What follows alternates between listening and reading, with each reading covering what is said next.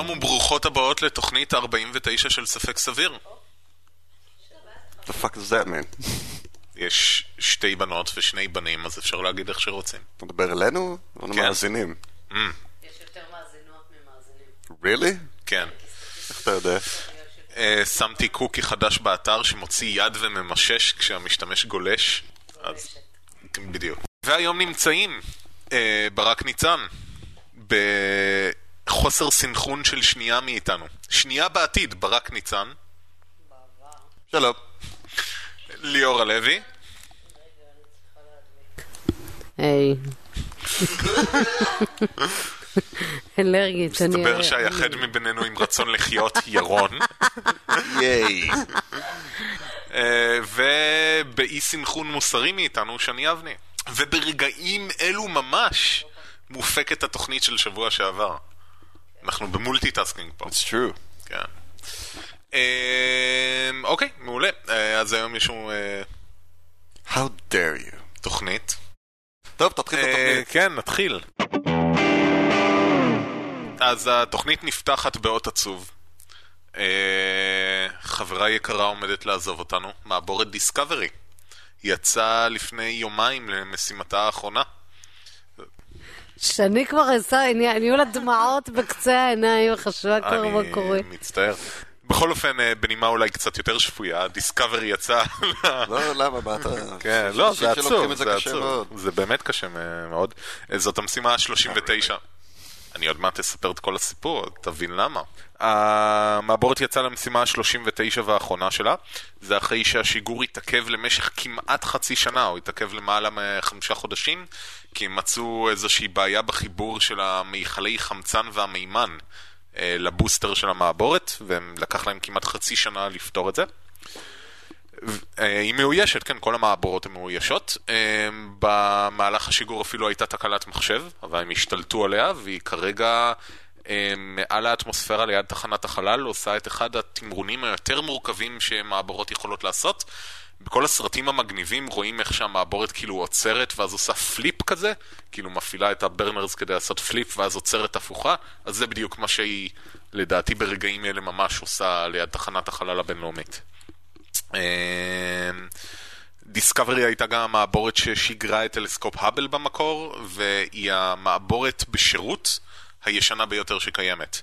אה, היא נבנתה, היא עשתה את אה, טיסת הבתולין שלה ב-84, שזה אומר שהיא 26 שנה כבר. אה, כן, כן, 27 שנה אה, טסה לה. היא הייתה המעבורת השלישית שנבנתה, והיא תסיים את חייה כבר, אה, אמרו איפה היא תהיה, היא תינתן למוזיאון הסמית'וניאן, אה, מוזיאון ה-Air and Space and Technology, והיא תינתן בחינם, אבל הסמית'וניאן סמית'וניאן ייקח עליו עלויות בסך כמעט 30 מיליון דולר להוציא ממנה את כל המכשור המזויה... את כל המכשור המסווג ולהעביר אותה אליו, שמסתבר שלהעביר מעבורת חלל זה משהו די יקר. זה כמובן בהנחה שהיא תחזור.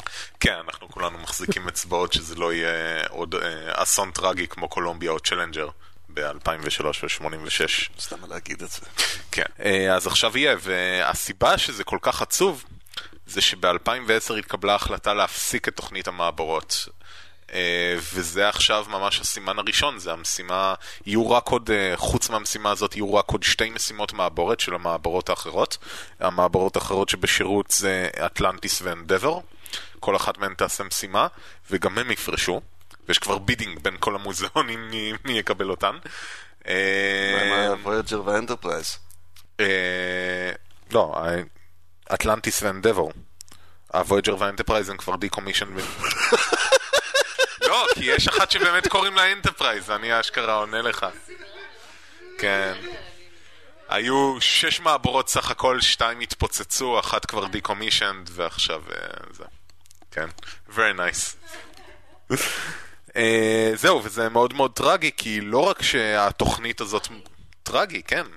לא רק שהתוכנית הזאת מופסקת, שזה כשלעצמו מכה אנושה מאוד למשימות אה, מאוישות גם אם לחלל הקרוב, אבל עדיין לחלל הקרוב ולמחקר מדעי, אה, אלא גם עומד להיווצר פער ענקי, לפחות עד 2017, שלא יהיה כלום מבחינה אמריקאית. אה, תחנת החלל לא יפקירו שם את האנשים למות, אה, יהיו אה, טילי אה, סויוז רוסיים שיעלו לשם ציוד ויעשו תחלופה, אבל אה, בתכלס זה מכה מאוד מאוד אנושה לחקר החלל. אין איזה תוכנית לנסות לש- לשלוח משהו מאויש למאדים, אני טועה? יש איזה תוכנית כזאת, לא? אז ככה, הייתה תוכנית שהייתה בהתנעה אה, להחליף את צי המעבורות בתוכנית שקראו לה קונסטליישן, שהיא הייתה מחולקת לכמה שלבים, בניגוד למעבורות שזה כלי טיס אה, שעולה ויורד ויש לו את הבוסטרים, אז פה זה ממש תוכנית למודול אה, אנושי, תוכנית למודול לא מאויש, תוכנית לטילי שיגור, תוכניות שונות, ולהכל קראו קונסטליישן, וזה היה אמור באמת, על הס... הוא נבנה במטרה גם להגיע למאדים. אבל התוכנית הזאת בוטלה ב-2010 על ידי אובמה, שפשוט הוציא אותה מהתקציב של 2011. אה, הממשל ביקר את התוכנית שהיא בזבזנית, over budget, אה, כבר ב delay וחסרת מעוף. אה, ולמרות כל הביקורות שהוטחו בו על הביטול הזה, הוא ביטל את זה. Uh, שזה אומר שעומד, uh, כאילו יש ועדה שבוחנת חלופות וב-2015 יחליטו מחדש על איזה טילי שיגור יעשו, אבל בתכלס זה אומר שנוצר פער ענקי בלי יכולת שיגור אמריקאית לחלל, לחלוטין. Uh, כאילו, עדיין יש את הטילים הצבאיים וכאלה, אבל לא משהו להרים לשם אנשים, לא שיגורים מאוישים. בסדר, רוב העבודה נעשית אה, לא על ידי אנשים בחלל, אלא רובוטים בחלל, ב-20 או משהו שנים האחרונות. זה עבודת מחקר לחלל העמוק ולגשושיות לכוכבי הלכת, אבל uh, במובן של להעלות לוויינים. לא להעלות לוויינים, סליחה, לעשות עבודת תחזוקה לוויינים, להעלות מעבדות שצריך אנשים שיבצעו בהם ניסויים, כל זה קיבל הולד מאוד מאוד גדול בגלל הבעיות האלה.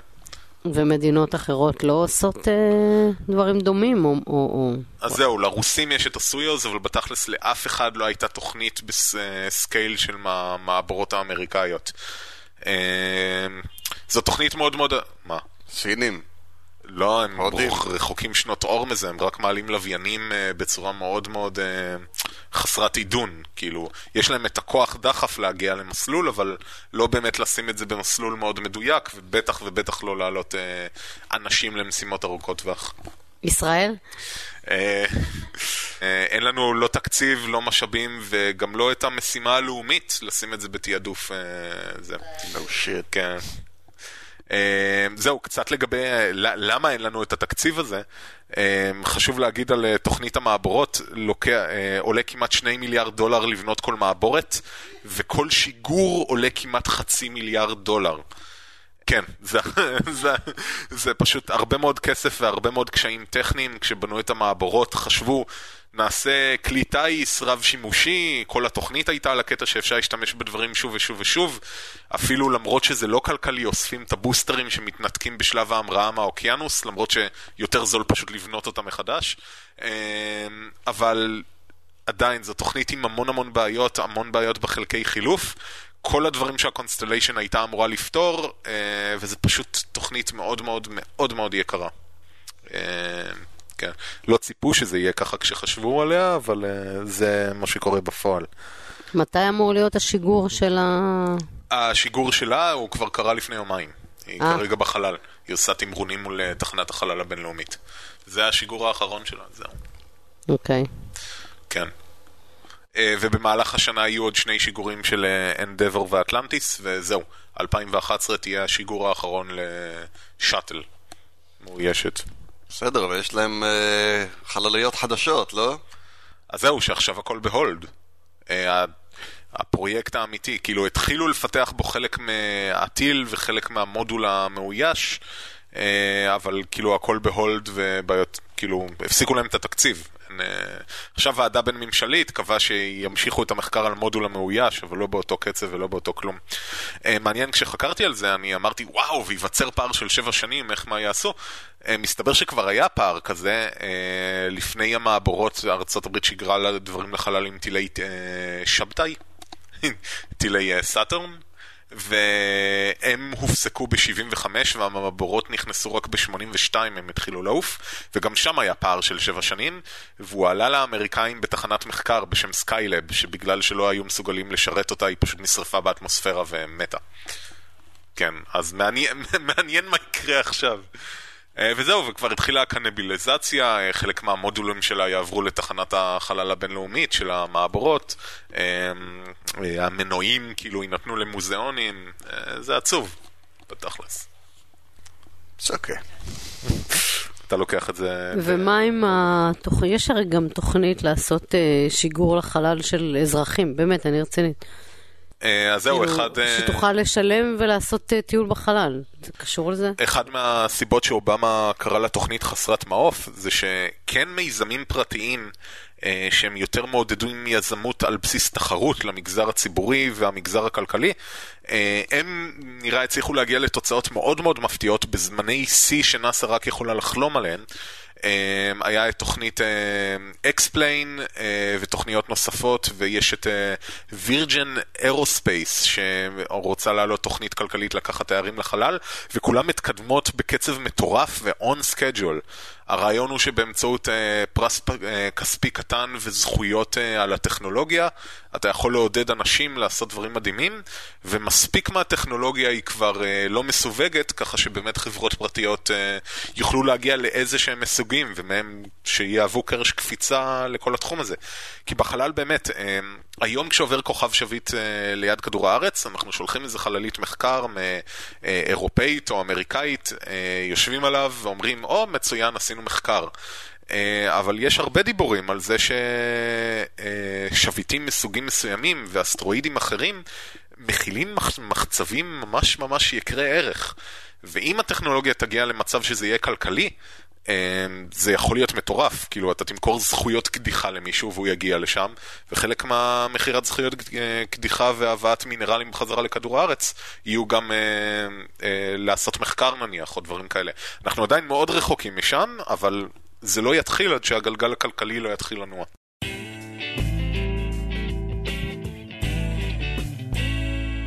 אמ, אה, מה זה נמאס לי? ממש בפלאפונים וכתיבה בעיתון על פלאפונים ועל מחקרים באופן כללי שנמאס לי לראות אה, עיתונאים מייצגים את התפיסה המדעית בצורה שגויה ומטעה. והסיפור הזה עם פלאפונים הוא לא... לא שונה בשום דבר ו... מסרב למות. כל יום אבל, כל יום אני פותח את העיתון על האחרונה ויש איזה שטות חדשה. הייתי רוצה לבקש אם יש איזה עיתונאי אחד שמקשיב לנו, בבקשה, תלך תגיד לכל החברים שלך, כאילו, כולם באותו מקום. בפגישות הקונספירציה כן, שלכם, במרתף. בבקשה, אל תפרסמו מחקר אחד, ואל תחשבו לבד מה התפיסה המדעית, אוקיי? Just ask somebody who knows something. בכל אופן. כן, אז uh, לפני ש... יש לי איזה כתבה קטנה, ש... uh, מאמר שהופיע בדה מרקר, ובו הייתה חזרה על uh, כל הדברים הלא נכונים לגבי ה... כמה מבולבלת הספרות המדעית בנושא פלאפונים סלולריים, שזה... והציגה את, את, את, את תפיסתה של אה, סדצקי כאילו היא אה, בקנה מידה אחד שווה עם שאר הקהילה המדעית ונו, כבר אמרנו, זה פשוט לא נכון. כרגע הקונצנזוס המדעי אומר שהסבירות לקשר בין סרטן לקרינה סלולרית הוא שואף לאפס, הוא נמוך מאוד. זה מה שקהילה המדעית אומר, למה אני אגיד את זה, זה ישנה משהו? Why am I doing this? בכל אופן, כמה ימים לפני הכתבה הזו בדה מרקר, שסיכמה לא נכון את אה, מצב העניינים, אה, הייתה כתבה גם כן בעיתון הארץ על אה, מחקר. היה מחקר בג'אמה, שזה המגזין המדעי של בוב מרלי. סליחה, זה ה-Journal of American Medical Association. מחקר שהראה שהקרינה הסלולרית משפיעה או מפעילה פעילות מוחית. המחקר נעשה על 47 אנשים. שלקחו אותם, שמו להם אה, מעין בנדנה עם שתי פלאפונים, אחד בכל צד, והכניסו אותם לפטסקן, פעם אחת ששני הפלאפונים קבועים, פעם אחת שפלאפון אה, בצד הימין אה, מקבל שיחה על מיוט. ומה שהם ראו זה שיש פעילות אה, מוחית באזור במוח שמתאים ישירות אה, לאיפה שיצא ממנה הקרינה, וכך הם גם פוסלים את ההשפעות של חום וכל דבר אחר. במקום שבו הגיעה קרינה, באותו אזור במוח, הייתה השפעה? כן. על, על אותו אזור במוח? כן, הם הסתכלו okay. באופן כללי, לא הייתה עלייה משמעותית אה, בפעילות המוח באופן כללי, אבל הם ראו אה, באזור שמתאים מאיפה שיוצאת הקרינה בפלאפון, באזור במוח, אה, הם ראו עלייה של כ-7% בפעילות המוחית, שהיא מתבטאת על ידי הפרשת אה, סוכרים או גלוקוז. כן, יפה. והם אה, הם מסכמים במאמר שלהם, הראינו שיש השפעה של קרינה של פלאפון, פסלנו את כל האפשרויות שזה משהו אחר חוץ מהקרינה, ואין לנו מושג מה זה אומר. פעילות במוח זה לא עניין קיצוני או בעייתי באיזושהי צורה. אחד מהכותבים של המחקר, אה, נתן את הפרופורציה להבנה מה מדובר ברמת פעילות כזאת, זה כמה פעמים פחות מאשר אה, מה שקורה ב visual center שלך, שאתה רואה סרט. הם הסיקו שזה מסרטן או גורם לא, מסרטן ממש, בגלל... ממש, ממש לא. לא, הם פשוט ו... אמרו, זה, יש פעילות מוחית, איפה שמצלצל. כן. זה מצלצל פה, אז הנה הפעילות המוחית היא פה. כן. אוקיי, מה, מה, בסדר. יפה, עכשיו אני הייתי שמח, אה, אני מקווה שזה יקרה גם בימים הקרובים, אה, שמישהו כמו נובלה, שהוא נורולוג, אה, יוכל לקחת את ה... גם יש לו גישה למחקר מלא, ולראות בדיוק מה... לא בדיוק, הוא יכול להסביר לנו יותר מה המשמעות של הפעילות הזו ולשים אותה יותר בפרופורציה. בכל ההקשר של סרטן ו... ופלאפונים, אין ממש קשר בשלב הזה. אה, הרבה מה... היו כמה מקומות uh, בתקשורת שניסו לעשות את החיבור הזה. הם מנסים להציג את זה כאילו uh, הטענה עד עכשיו הייתה שקרינה סלולרית אינה מסוגלת לעשות כלום. שהיא איזשהו כוח שלא מסוגל להזיז uh, אוויר.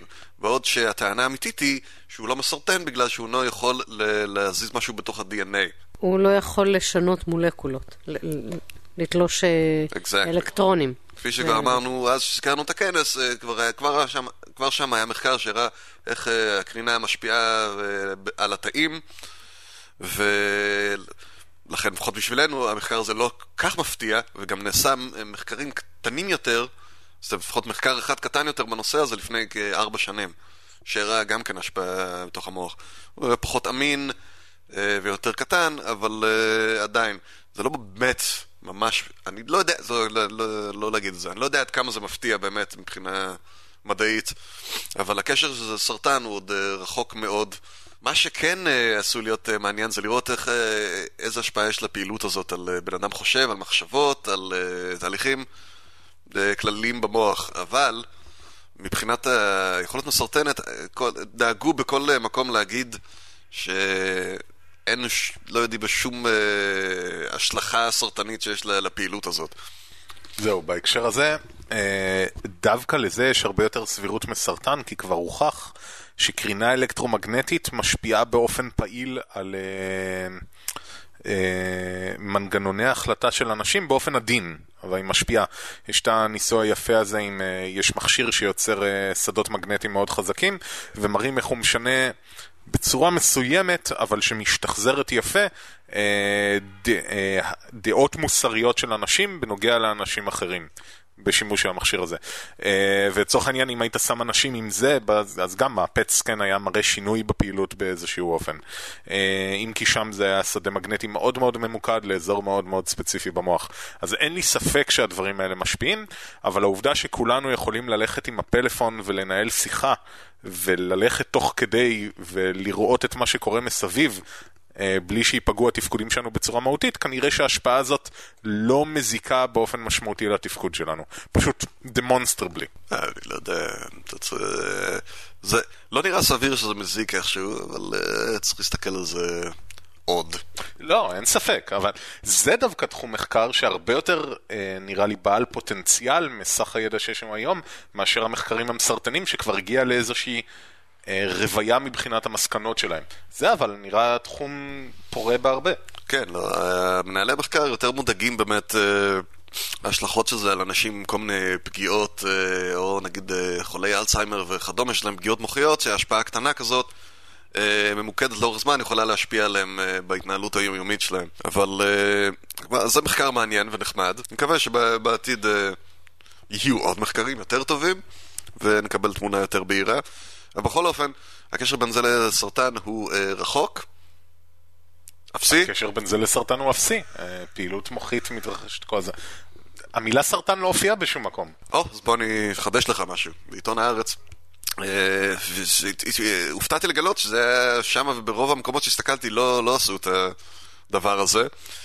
אז uh, מאמר נפתח, אין לי את הציטוט המדויק, אבל משהו כמו uh, הראו שהקרינה הסולארית מפעילה פעילות פתוגנית שעשויה ל- להוביל לחומרים מסרטנים או משהו בסגנון הזה. זאת אומרת, המילה סרטן נכנסה לשם, uh, ובהקשר uh, ישיר, uh, עם uh, הסתייגות בסוף. יהיה בסדר ברק. It's just why? אני מנסה להבין, מישהו ראה איזושהי פעילות מוחית שקורית בגלל שהטלפון צלצל לי ליד האוזן, ואיכשהו קישר את זה לסרטן? בוודאי. אז זה אומר שכ- שגם עכשיו אני, אני יכולה לסבול מסרטן, כי קורית לי פעילות מוחית כרגע במוח. אבל רק אם את חושבת מחשבות מודרניות שהן לא חלק מאופן החיים הטבעי. אני קוראת באינטרנט, זה מודרני? זה החוש שרמוט המודרני.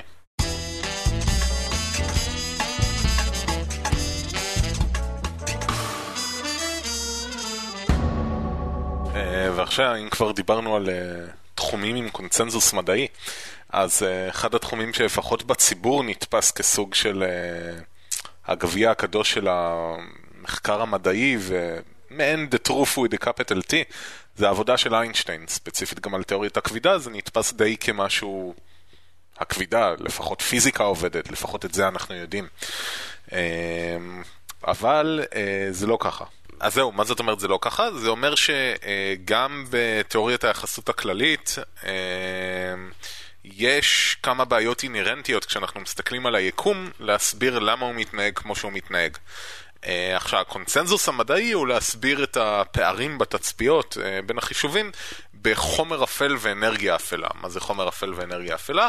בגדול זה אומר שיש הרבה יותר מסה ואנרגיה ביקום ממה שאנחנו רואים בטלסקופים שלנו, ושהסיבה שאנחנו לא רואים אותם זה שהם אפלים, הם לא מגיבים לאור, הם לא כוכבים שבוערים איפשהו, אבל הם עדיין משפיעים כבידתית על היקום.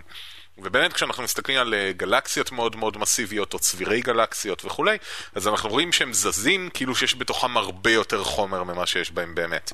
והתיאוריות האלה מצליחות להסביר את זה לא רע, אה, עדיין יש הרבה מקום לעבודה, אבל זה נראה מאוד מבטיח ועל זה הקונצנזוס הולך. אה, הנקודה היא שיש הרבה תיאוריות מתחרות, תיאוריות קטנות עם מעט מדענים שתומכים בהם, אבל יש תיאוריות מתחרות. אחת התיאוריות הזאת קוראים, להם, קוראים לה מונד, שזה Modified Newtonian Dynamics. כן, זה ממשיך יותר את הקו שניוטון עשה, אה, ו...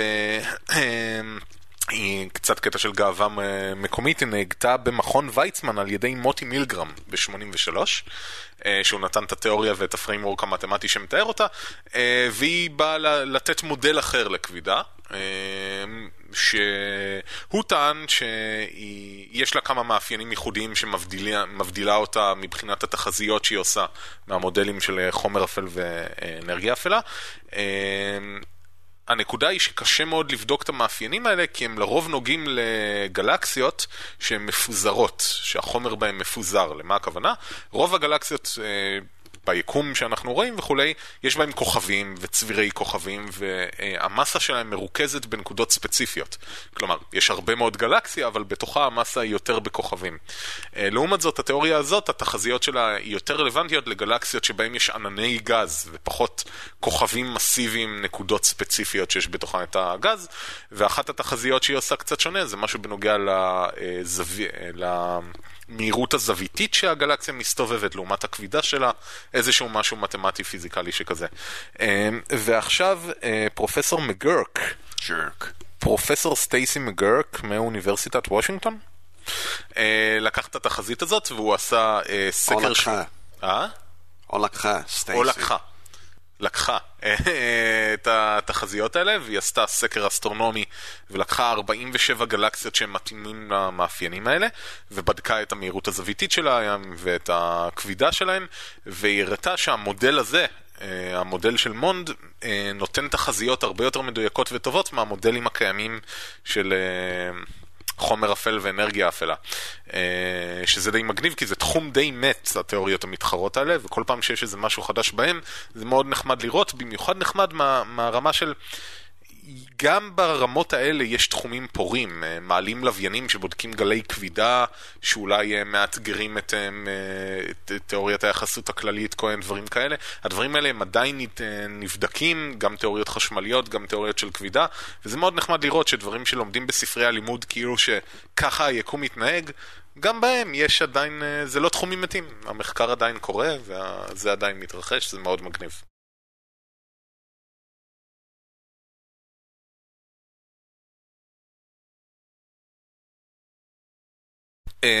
ואם כבר דיברנו על אה, מודלים שלא עובדים טוב ביחד, אה, הידיעה הבאה היא די מתייחסת לזה, כי אחד הדברים הכי חשובים כשאתה עושה מודל, זה מה הרעיון במודל? הרעיון במודל זה שהמציאות היא מאוד מאוד מורכבת, וחוץ מהיקום, שום דבר לא יכול לחשב אותה, מרוב שהיא מורכבת. ואם אתה רוצה להבין קצת יותר טוב מה קורה, אז אתה מנסה לזרוק כל מיני פרטים הצידה. לדוגמה, אם אתה מנסה להבין איך וירוס מתפשט, אז לא באמת אכפת לך אם האנשים שנדבקו בו שתו משהו בצהריים, או איפה בדיוק הם היו, אה, מספיק לדעת באיזה אזור ומול איזה חולים, ומזה אתה יכול לפתח כל מיני משוואות מתמטיות, או איזושהי, איזשהו הסבר מתפתח, ולעבוד עם זה. אבל מה שחשוב מאוד לזכור זה איזה פרטים הזנחת בדרך, כי יכול להיות שהם מאוד מאוד משמעותיים, ויכול להיות שהמודל שלך הוא מתמטית עובד נהדר, אבל הוא בעצם כבר מפסיק לדבר על מה קורה בעולם המציאותי. אה, ועכשיו אה, חוקרים אה, מאוניברסיטת ברמן, ברימן, חוקרים מאוניברסיטת ברימן, ברמן, כן, בגרמניה. אם זה בגרמניה זה בטח ברמן. ברמן. mein Oberkommandant, שהם עבדו גם עם חוקרים בקופנהגן, הם טוענים שהם אה, הצליחו לעשות מודל יחסית יותר מדויק מהקודם, מהקודמים, שמראים איך אה, פרדיגמות או פריימורקים של מחשבה מדעיים עולים, צומחים ומתבטאים בקהילה המדעית. בואו ניקח את המשפט המפוצץ הזה לשנייה ונפרק אותו uh, למה שקורה. הרעיון הוא כזה, וזה לא רעיון חדש וזה לא רעיון שלנו, זה רעיון כבר מלפני, לא יודע מה, 120 שנה, אה, תומאס קון דיבר עליו וגם הרבה לפניו. הרעיון אומר ככה, רוב המדענים כשהם עושים מדע, הם לא באים לזעזע את העולם והם לא באים להמציא מחדש את הגלגל, אלא יש את הטקסטבוק שאומר מה אמור לקרות ביקום, ויש להם את הפינה הקטנה שעדיין יש עליה סימן שאלה לגבי מה התוצאות המדויקות שם, והם תוקפים את הפינה הקטנה הזאת. וכשמקבלים תוצאות, אז הדרך שבה הם מפרשים את התוצאות האלה זה בהתאם למה הטקסטבוק אומר שככה היקום מתנהג. אה, כלומר, אם אנחנו יודעים שקרינה סלולרית היא לא מייננת, ובתוצאות קיבלנו, לא יודע מה, שאלקטרון נזרק מאיפשהו, אז הדבר הראשון שנעשה לפני להכריז שכל הפיזיקה שאנחנו יודעים היא לא נכונה, זה לבוא ולהגיד, אולי לא חשבנו באיזשהו מניע, בוא נחזור על הניסוי, אה, כי אנחנו פועלים מתוך כל סך הידע שיש לנו. מה הבעיה בגישה הזאת? הבעיה היא שלפעמים סך הידע הזה הוא לא נכון. יש ניסויים שלא נעשו נכון, יש מודלים שלא נעשו נכון, ולפעמים אם מצטברים מספיק סימני שאלה ודברים שהם לא משתלבים טוב ביחד, צריך מה, מה שנקרא לעשות החלפת פרדיגמה. כלומר, לבוא ולהגיד, אוקיי, כל מה שאנחנו יודעים עד היום לא מפיק את התוצאות שהן מתאימות למה שאנחנו רואים בעולם, אולי צריך תיאוריה שונה, אולי יש תיאוריות מתחרות, אולי יש הסברים שונים. כמו לדוגמה, בין תיאוריית הכבידה של החומר האפל לבין תיאוריית מונד, תיאור... בין ניוטון המקורי לבין איינשטיין וכולי. אה, והמדע כל הזמן קיים על איזון מאוד מאוד עדין בין המחקר המאוד מדויק שנעשה כל עוד שהרעיון ממשיך לשלוט, הרעיון הכללי, הפרדיגמה קוראים לזה, לבין uh, שמצטברים מספיק סימני שאלה, ואז עולה רעיון חדש מתחרה לרעיון השולט, ולאט לאט הוא מחליף אותו גם, לפעמים. ונוצרת פרדיגמה חדשה. נכון, בדיוק. ואז מתחילים לפתור את כל הפאזלים בעולם הזה. עכשיו, התיאור שנתתי עכשיו זה הפשטה מטורפת של מה שקורה, גם המודל שהשתמשתי בו הוא לא בדיוק מדויק, אה, אבל בגדול, אם מסתכלים על ההיסטוריה של המדע, אפשר לפרש אותה בכל מיני דרכים, אבל רואים שרעיונות מתחרים זה בזה, ובכל שלב הקונצנזוס המדעי עומד סביב רעיון או צמד רעיונות אה, מובילים.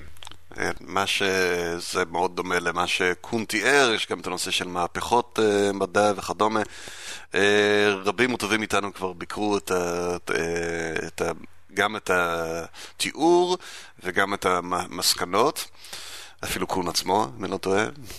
וגם את הביקורות, כי זה נושא מאוד מעניין, גם פילוסופית וגם... זה מאוד מעניין, אבל uh, uh, בעיה אחת עם התיאור הזה שצריך להתחשב בה, שהיא די ברורה ומהותית, היא לייחס כאילו איזשהו מעגל שחוזר על עצמו וכל פעם מאגר הידע נבנה מחדש ומחליף את הקודם. בעוד שזה ממש לא המקרה. ידע בתחום המדעי מצטבר ומצטבר ולא כל כך קל אה, לשים, אה, להחליף את כל השיטה, וזה קורה פחות ופחות במאה השנים האחרונות בצורה מהותית, בגלל שהידע הזה אכן מצטבר, דברים כן נהיים יותר מבוססים עם הזמן. זה לא שבא דור, ואז בא דור הבא ומחליף אותו, ואז בא הדור הבא ומחליף אותו. יש משהו שכן נבנה עם הזמן. אה, לצורך העניין, אם נשים פנים על האמירה הזאת, מהרגע שניוטון גילה איך לחשב מסלול של כדור תותח, העובדה שגילינו שאיינשטיין יותר נכון מניוטון לא אומר שהיום תותחים כשהם יורים משתמשים באיינשטיין. פתרנו פאזל פעם אחת, אנחנו יודעים מה גבולות הפתרון הזה, אז נמשיך לפתור אותו ככה גם להמשך. אה, אוקיי, ומאוד מעניין, זה תחום מאוד מעניין גם פילוסופית וגם לראות איך זה קורה ומה הגורמים שמשפיעים על זה, והקבוצת חוקרים האלה בנו מודל מתמטי שמתיימר אה, לתפוס חלק מהרעיון הזה. אה, מה הרעיון? הם אמרו, אוקיי, בוא ננסה לפשט את זה כמה שאפשר. הדעה שלך כחוקר או כמדען כנראה מושפעת מהמעגל שמסביבך, ולכן הם נתנו איזשהו משקל מתמטי למה, ה, אה, הם קראו לזה agents, מה הסוכנים שמסביבך חושבים, הם נתנו איזשהו גורם מתמטי שאומר מה קצב עליית רעיונות חדשים, ואיך רעיונות יכולים להתמזג זה לזה, ומה המינימום שמתחתיו הם מתים, וכל מיני דברים כאלה, והם שמו גם איזה חסם שמהרגע ששינית את דעתך וזנחת רעיון, אתה אף פעם לא תחזור אליו. אה, ושוב, היופי ברעיונות המתמטיים האלה, זה שגם אם יש אה, ניואנסים שהם לא תופסים, הם נשמעים כזה קצת הגיוניים. זה נשמע, הם, הם כן מדברים על איזושהי אמת שכולנו רואים מסביבנו על דעות של אנשים. ואז כשהם הריצו את המודל המתמטי הזה, אז הם uh, גילו 12 שלבים ברורים שקורים בתוך קהילה. שזה בהתחלה יש המון רעיונות מפולגים, לאט לאט רואים איך שהם בולעים אחד את השני, מתגבש רעיון שלט, אבל לא לגמרי, עולה רעיון שני, הם נלחמים כזה ביחד, בסופו של דבר יש דעה שלישית שעולה ותופסת אותם. זה מודל מתמטי מאוד מאוד מעניין. Uh, אבל... וזה אבל די גדול, והם כשלעצמם אומרים את זה. Uh, המודל הזה מתעלם לחלוטין מהדינמיקה של העבודה המדעית, מה ראיות עושות, uh, ששוב, יש דיונים פילוסופיים מרתקים לגבי האם יש כזה דבר ראייה מדעית ואיך תיאוריות שונות מסתכלות על ראיות, אבל עדיין, המודל שלהם הוא מאוד מאוד פשטני, ואפשר להגיד שהוא יותר מדבר על איך רעיונות מתפשטים בקבוצה כללית של אנשים, ואת זהו דווקא, יש בו כמה תובנות די מעניינות, כמו לדוגמה, אה, יש את המשפט הזה, שניים אוחזין ושלישי מנצח, לא, איך זה הולך? אז המודל הזה, זה אחד מהדברים שהוא מתאר, כלומר, הוא רואה איך כשיש... אה, שני רעיונות שנאבקים, רעיון שלישי שצומח הוא כנראה זה שיתפוס את הבמה. כל מיני דברים אה, אה, מפתיעים לראות איך מהחוקים המתמטיים הפשוטים האלה עולות תבניות כאלה. אבל דווקא כל מה שהם השמיטו מהתהליך המדעי הופך את זה ליותר רלוונטי למלחמה בין שיטות ניהול, בין מגמות שיווק, בין אופנות. הרבה יותר ממלחמה בין רעיונות מדעיים, שזה קצת חבל לדעתי. הם אפילו, או ניסו לראות איך מעבר בין פרידיגמות קיימות או שהיו, איך זה עובד עם המשוואה? לא.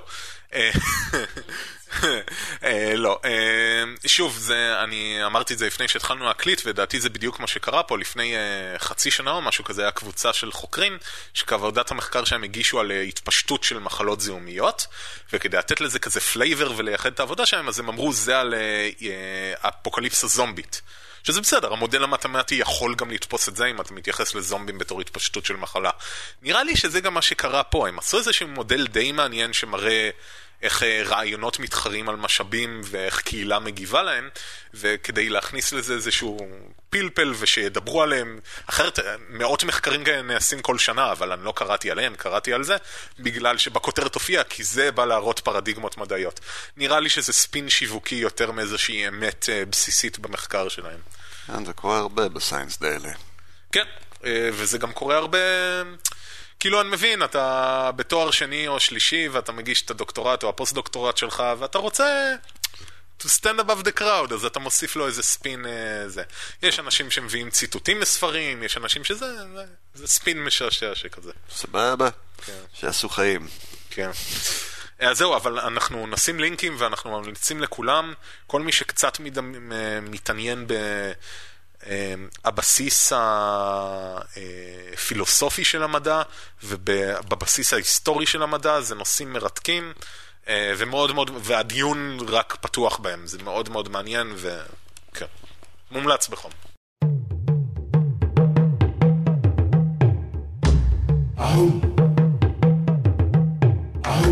עכשיו הגיע הזמן לפינת איפה טעינו, שבה אנחנו מעודדים את המאזינים להקשיב לתוכניות ולמקורות שאנחנו שמים, ואו להשלים אה, ולתת מקורות משלהם, או להפנות את תשומת ליבנו למקומות שלא דייקנו, אפילו טעינו.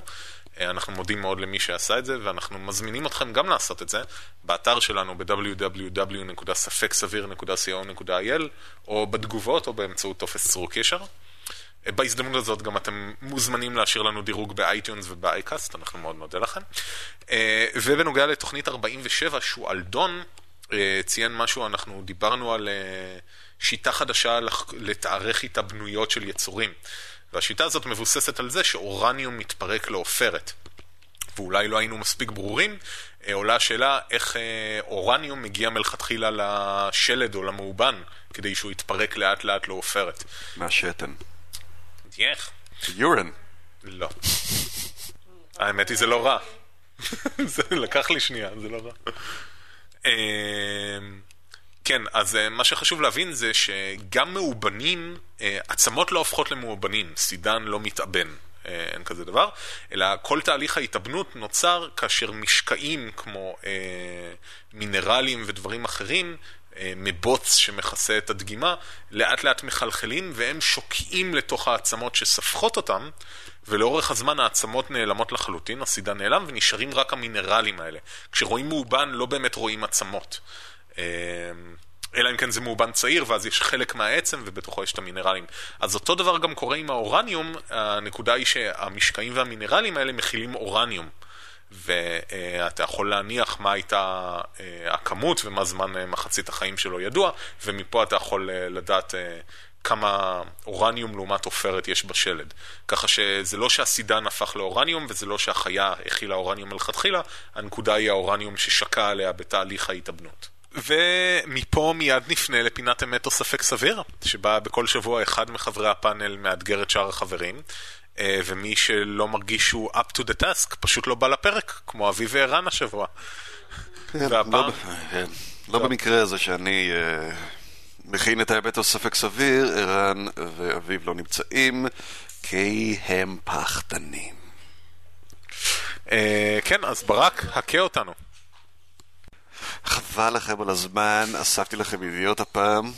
אוקיי, מאזינים, היות וחבל לנו על הזמן, אנחנו נסיים פה. תודה רבה ולהתראות. לא, לא, אתה לא הבנת אותי.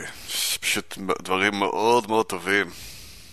מאוד מעניינים. גם היום אתה תנצח? אני... אם אני, שניכם תיכשלו, אני אחשיב את זה כניצחון שלי, אבל אם אחד מכם יצליחו, זה לא יהיה כישלון שלי. אוקיי. אה, כל עוד זה ברור. You're infallible. Exactly. אחד. מחקר הולנדי שהתפרסם ב-Journal of Sexual Medicine, שזה אלבום של מרווין גיי, אה, דיווח על תסמונת פסיכולוגית חדשה, אה, לה הם קוראים Post-Orgasmic Illness Syndrome. בה גברים מסוימים נהיים חולים לאחר אורגזמה ומציגים סימפטומים כגון אה, חום, תשישות, שפתיים וגרון נפוחים ועוד דברים. מה, זה מחלה? אוקיי. שתיים. אה, חוקרים מאוניברסיטת ברוני בדרוסלם, שזה כמו ג'רוסלם אבל לא, כי זה בבורניו, שזה אי מצפון אוסטרליה, גילו כי הטלפים משתמשים בזן מסוים של הצמח הטורף הקדנית, לא יודע אם אתם מכירים אותו, יש לו מעין אה, צמח טורף, יש לו צורת אה, כד מוארך, כי הטלפים משתמשים בזן מסוים של הצמח הטורף קדנית, כבבית שימוש. That's nasty. שלוש, אה, חוקרים בברזיל השתמשו באחד הרעלנים מהארץ של אה, העכביש הברזילאי הנודד בכדי אה, לסדר לעכברים את בעיות הזקפה. It's just אוסם. אורגזמה, שיט וזקפה ב... אוקיי. רגע, אבל מה החוקיות? האם יש איזשהו מספר של ידיעות נכונות לעומת שליליות? כרגיל, באופן קונסיסטנטי, אה, יש... אתה סלע של יציבות במזרח התיכון, ברק. לגמרי, לגמרי. יש אה, שלוש שהצגתי בפניכם, אחד מהם הוא שקרי, והשניים האחרים הם אמת. טוב, אה... ירון. מדליק. אה, ככה, בנוגע לפוסט-אורגזמיק אילנס, כמות השינויים הכימיים שקורית בגוף ברגעים האלה היא מאוד גדולה, ואני לא יכול לפסול את זה. יש בזה איזשהו משהו הגיוני. בנוגע לעטלפים, אלא אם כן הם אוכלים את החיות שנשארו שם, למה... אני לא יכול לראות שום סיבה שהם יעשו את זה. אז אני לא יודע, זה נשמע לי מפוקפק. לעומת זאת, אם יש משהו שמקבל כמויות חסרות פרופורציה של כסף, זה מחקר בנוגע לתרופות זקפה, ובאמת נראה לי שהם כבר סיימו את כל הדברים ההגיוניים, ולארס יש השפעה בנוגע להרבה דברים. אני יכול לראות איך נעשה מחקר לא קשור, והתגלתה התופעה... לעכברים יש זקפה בכלל? ירון שאל אותי אם לעכברים יש זקפה. כן, ירון, יש להם, שהם מזדווגים, יש להם זקפה. כן. אתה ראית את זה? כן. אה, וואי, האמת היא, אני ממש ממש בדילמה פה. אה, אני אגיד שזה עם הטלפים הוא שקר, אה, אבל זה באמת you got me, you got me good. אני מתבסס על זה שלזקפה יש הרבה כסף ולאורגזמה יש הרבה שינויים בגוף. הבעיה שלי עם האורגזמה זה ממתי הולנדים עושים מחקרים, אבל זה... עכשיו... מחדש, אה, אוקיי, אז לגבי הטלפים נשמע לי מאוד הגיוני אפילו, כי ככה עובד uh, הטבע, כמו ש... Uh, נו, ציפורים או פרפרים עושים האבקה, אז נשמע לי מאוד הגיוני, באמת, ש... ש... כן, זה, שיש צמח מיוחד ומחרבנים לתוכו בדיוק כדי uh, לכלכל אותו מבחינת uh, לתת לו uh, משאבים. זה נשמע לי מאוד הגיוני. Uh, ארס, זקפה, כן, גם נשמע לי... אמ, אני אלך על הראשון שהוא שקר, כי לדעתי, זה, זה, שוב, אה, כמו שירון אומר, זה הגיוני, ובזמן אורגזמה אצל גבר מתרחשים הרבה מאוד שינויים של הגוף, והגיוני שחלק מהשינויים האלה משתבשים, אבל אמ, כמו ששני ציינה, אני מכירה מחלות אחרות שקורות לה. וואי, זה... ברק, היית צריך... אין לי מושג. אני, מנ... אני ממש מנח... בניחוש פראי אומר ש... אני אלך על ההרס. אוקיי, ברק, אה, היה מדליק אבל, מעניינים ומרתקים. yeah, baby, אז בואו אה, נתחיל אה, משלוש. שזה אמת. אמת, כן. כן, כן, כן, כן, כן. אז אה, יש את העכביש הנחמד הזה, זה אגב אה, גם פורסם ב-Journal of Sexual Medicine, Medicine. Uh, סתם במקרה, לא שנכנס, שנכנסתי בכוונה ל-Journal of Sexual Medicine וחיפשתי מה שקורה שם, פשוט כתבות שהסתברו והיו משם. Uh, כן. אתה נכנס לשם בשביל המאמרים ברק? listen, listen, listen. אוקיי? במקרה של תמונות של עכבישים, אה, וואו. היה מחקר אחר שלא הזכרתי, מצאתי שתי תמונות של עכבישים, לא יכול... ממש, לקח לי כמה ימים לקרוא אותו, כי צריך למצוא דרך לפתוח את המסך בלי לראות את העכביש. כי זה בקלוסאפ בפרונטל. יש להם את הקטע הזה שמרימים את השתי רגליים. Oh, it's just... Oh. חיה זאת חיה נוראית. שבברזיל, אה, העכביש הזה, שאחד התופעות לוואי המוכרות לעקיצה שלו היא זקפה אה, בלתי נגמרת אה, וכואבת. כן, זה אחת התופעות לוואי, ומכירים את התופעה הזאת, ולכן, כמובן, מכיוון שיש הרבה עסק בתעשייה, החליטו לנסות ולבודד את החומר שאחראי לזה, בלי כל שאר הדברים שקורים, כמו... כמו מוות. כן, מוות אפשרי, אה, יש קשיי נשימה ואובדן אה, שליטה בשרירים. אה, אבל זהו, ניסו בודדו את הרעלן הזה והזריקו אותו לעכברים שהם hypertensive, שאני חושב שזה אומר שיש להם לחץ, יתר לחץ דם. ואכן ראו ש... סידר להם את פעולות הזקפה, ו... וגם ראו שזה פועל בנתיבים שונים מתרופות שקיימות היום, ולכן זה יכול אולי בעתיד לתת מענה לאנשים שלא מגיבים לתרופות הרגילות, ואולי... או לאנשים עם בעיות לב שלא יכולים לקחת אותן. אה, כן, דברים כאלה. אז זה זה. אני רק רוצה להגיד טידבט אחד, זה מדהים אותי, אם דיברנו על, אה, בשבוע שעבר על אה, העוגה הכלכלית של המחקרים המדעיים, מדהים אותי כמה האדם הלבן העשיר מקבל מהעוגה הזאת, לעומת, לא יודע, לרפא איידס או מלריה. It's good to be white. אין אמן. יס. אמ, שתיים. או מן, מה יהיה, מה יהיה זה? בית השקר זה בית השקר. ירון, אתה מעוניין לשנות את התשובה שלך? אתה מעוניין לספר לי עוד פרט? לא. אוקיי, אז אה, שתיים. אה, מת. כן, כן, ברק כן. עכשיו בסדרת הניצחונות שלו, זה... לא, אה, לא, היא בחרה נכון בהתחלה, ואז היא שינתה את דעתה. טוב, סחטיין, אוקיי, they poop in the... זה? They poop like the motherfuckers. הם מחרבנים בתוך הדברים האלה. לא רק זה, אבל... מה זה עושה להם? אוקיי, שנייה, מה עוד? אוקיי. הם יושבים בפנים, שלא יודעת אם זה יותר קיצוני או יותר הגיוני בשבילכם. בשבילי זה יותר קיצוני שהם יושבים בתוך הצמח הטורף הזה. הם יושבים שם, מה שהם משיגים מזה זה כנראה מקום נוח וחם. אני מצטערת, לי זה נשמע מאוד הגיוני, זה כמו האבקה, זה ממש מצטער לי במוח, כמו סוג של האבקה. תראי, אם זה היה צמח רגיל, הייתי איתך, אבל זה צמח טורף, הוא עובד בצורה הזאת, הוא מפיץ, הוא יוצא, יושב שם בג'ונגלים של אה, בורניו שם, ומפיץ אה, ריח שמושך אה, חרקים. החרק בא, נכנס פנימה ונתפס בנוזל המעכל הזה שיש בתחתית שלו, הוא נתפס שם ומתעכל למוות. עכשיו, זה לא נשמע לי כמו מקום אידיאלי לשבת בו. יפה, אבל הצמח בעצמו הוא איט שיט. אה, זה נכון מאוד. זה נכון מאוד, זה יוסיף אה, ויאמר לכם, הצמח, הזן הספציפי הזה, הוא גרוע בלתפוס אה, חרקים, ממש, יש לו כמה דברים שעושים אותו ממש גרוע. אחד, הוא גדל בעצים, במקום על הקרקע, שם יש פחות אה, זבובים. אה, יש לו פחות, אה, יש לו צורה מאוד מוערכת, שגורמת גם כן לחרקים להיכנס פחות, יש לו פחות נוזל, והנוזל פחות חזק.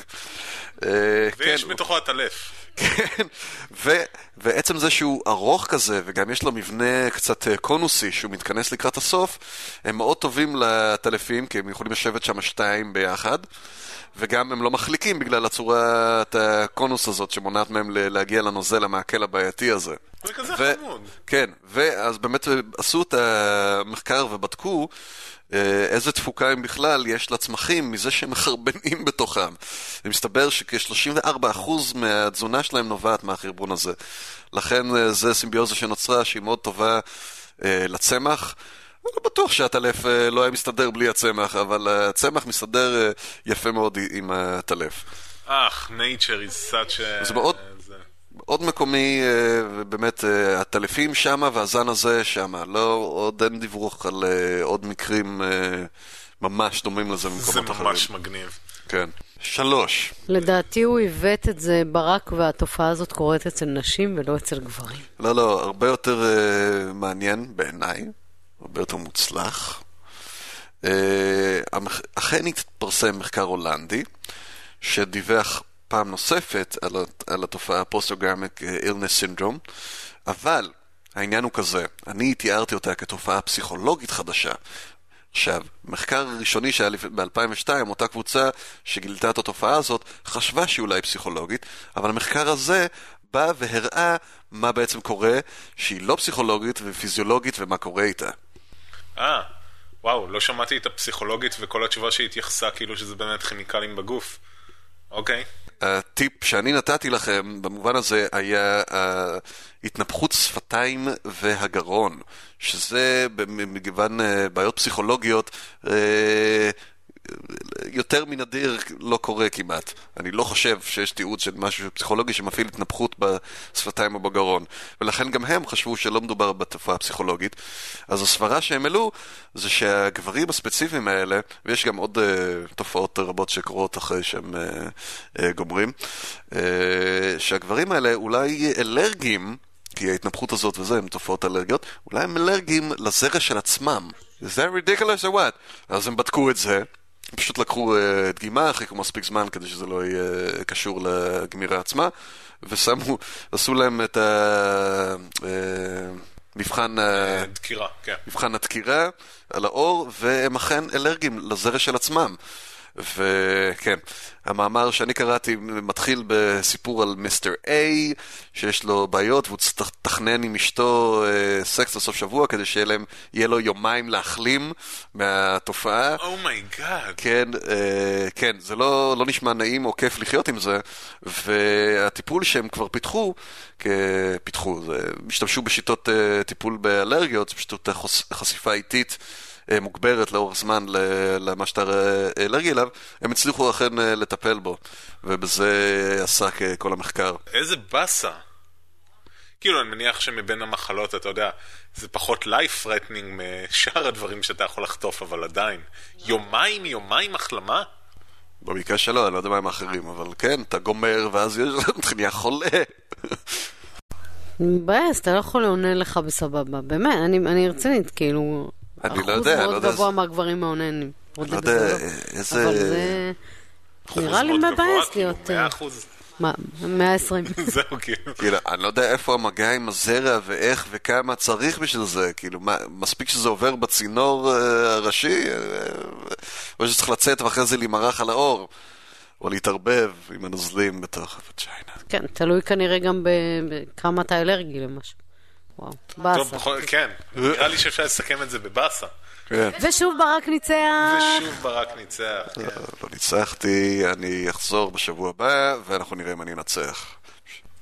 טוב, מגניב, יפה יפה. אה, איפה טעינו? אני טעיתי שאמרתי פעם שעברה שהייתי ברצף של ארבע, אני הייתי ברצף של חמש, או שאני ברצף של שש. לא אם, כאילו, אמרתי לפני השאלות שאני ברצף של ארבע, והייתי ברצף של חמש כבר. סתם. Awesome possum. Yes, I am. מעולה, מעולה. לדעתי בשבע זה נשבר. זה שבע בום כזה עובר בינינו. זה, הדיבורים האלה לא ישפיעו עליי. אה, בכל אופן, תודה רבה, היה מדליק. תודה לך, אירון. כן, תודה לך, אירון. תודה לשני. תומך לך בנו כל כך. ושבוע הבא ניפגש בהרכב מלא, ונעשה תוכנית היובל.